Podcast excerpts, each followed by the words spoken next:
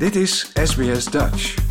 Op sbs.com.au slash Dutch staan nog meer interessante verhalen. Er zijn steeds meer aanwijzingen dat het beoefenen van een sport tijdens de schooljaren verband houdt met groter academisch succes. Het aantal meisjes, kinderen met een cultuur- en taalkundig diverse achtergrond en een laag sociaal-economische achtergrond stoppen vaker met schoolsport, maar men hoopt nu dat er meer kan worden gedaan om het sporten te bevorderen. Samantha Beniak Brooks maakte de volgende bijdrage voor SBS Nieuws en dat werd vertaald door ons in het Nederlands. Dit is SBS Dutch. Dat sport goed is voor je fysieke gezondheid is algemeen bekend. Maar een nieuwe studie onthult verbanden tussen de deelname van kinderen aan sport en hogere academische prestaties. Onderzoekers van de Universiteit van Sydney volgden de sportactiviteiten van ruim 4000 kinderen uit heel Australië in de leeftijd van 4 tot 13 jaar oud. En ze koppelden dit vervolgens aan hun academische vooruitgang tot 21 jaar. Het unieke onderzoek laat zien dat kinderen die op de lange termijn aan sport doen waarschijnlijk voordelen kennen, waaronder betere NAPLAN en eindexamenresultaten, langere spanningsboog en beter geheugen, lager ziekteverzuim en grotere kansen om naar de universiteit te gaan. Hoofdauteur van het onderzoek, Dr. Catherine Owen, zegt dat de resultaten laten zien hoe belangrijk het is voor kinderen om aan sport deel te nemen. Team sports really builds social connections um, and peer bonding and friendships, which are, and like a really strong sense of belonging, which is really important for kids. And I think that's why those specific academic benefits come from team sports because they're more motivated to go to school and they're more likely to want to go to school to see their friends and um, just having that sense of belonging is so important for those specific outcomes. Hoewel iedereen voordelen haalt uit sporten, onthult Dr. Owen dat sommige groepen zich eerder uit de sport terugtrekken. In our overall analysis, we found that 50% of kids continue playing sport throughout their childhood, 25% drop out, and another 25% don't participate at all.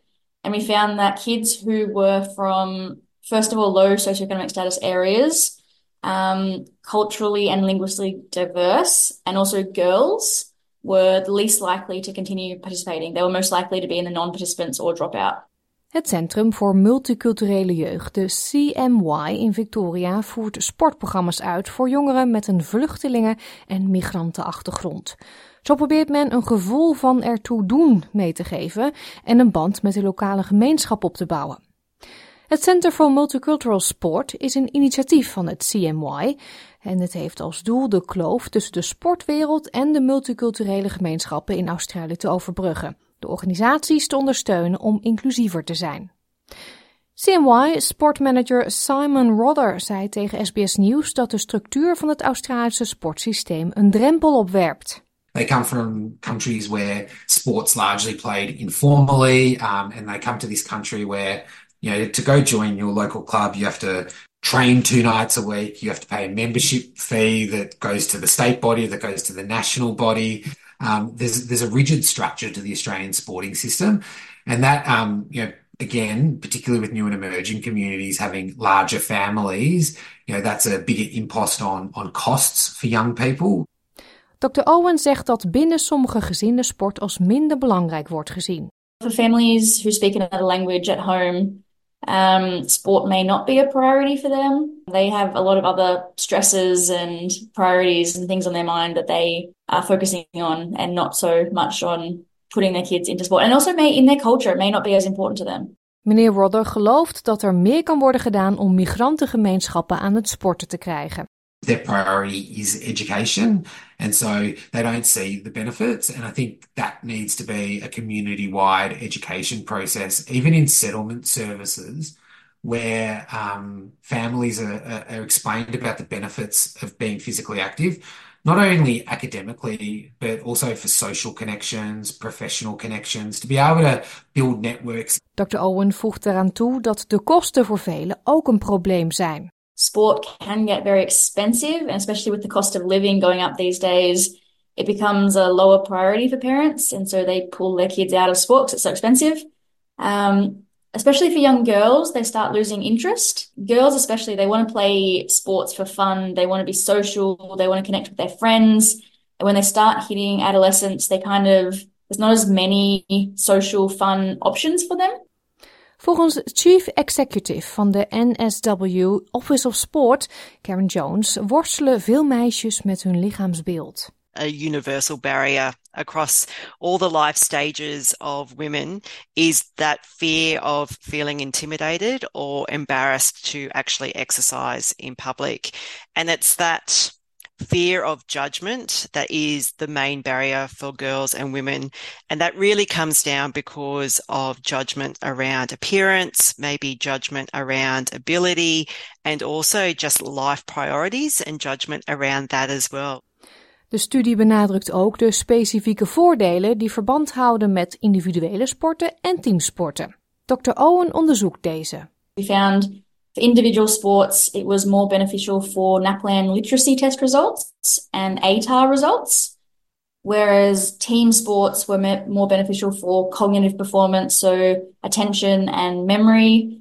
Um, kids who played team sports were less likely to be absent from school, and they were also more likely to complete their high school certificate. Maar volgens Dr. Owen is het vooral heel belangrijk dat een kind plezier heeft in de sport die het doet. There definitely are more benefits to team sports, but I think it's got to be what the child enjoys. Because if they're not enjoying it, they won't receive the same mental health benefits. Gehoopt wordt dat dit onderzoek zal bijdragen aan het algemene begrip over hoe leeromgevingen kunnen worden aangepast om sportparticipatie te bevorderen, waardoor de fysieke en mentale gezondheid van kinderen en het succes in het onderwijs worden verbeterd. Mevrouw Jones zegt dat het belangrijk is dat meisjes dezelfde kansen krijgen als jongens. It's not just about participation. It's about making sure we've got the right facilities for girls to participate. It's about making sure that we've got representation of females across all aspects of sport, whether that be as participants or athletes, through to coaches, through to officials, through to administrators. Meneer Rodder vindt dat er meer moet worden gedaan om de onbewuste vooroordelen in de sport te begrijpen en hoe dit de vertegenwoordiging van multiculturele gemeenschappen beïnvloedt. We need to reflect our community better and and understand that when you're creating those safe cultural environments a lot of it's to do with with you know um, images that you have around the sports club um, programs you run trying to you know reduce the amount of alcohol that's served creating environments that are more welcoming to, to diverse communities Dr. Owen merkt op dat vitale jonge mensen hoe dan ook actief blijven, zelfs al is het alleen maar voor een algemene gesteldheid. Schools making it more of a priority and placing more emphasis and importance on sports. Um, but then I think it's also got to be coming from the parents. There's got to be parental support and encouragement. Wil je nog meer soortgelijke verhalen? Luister via Apple Podcasts, Google Podcasts, Spotify of waar je je podcasts dan ook vandaan haalt.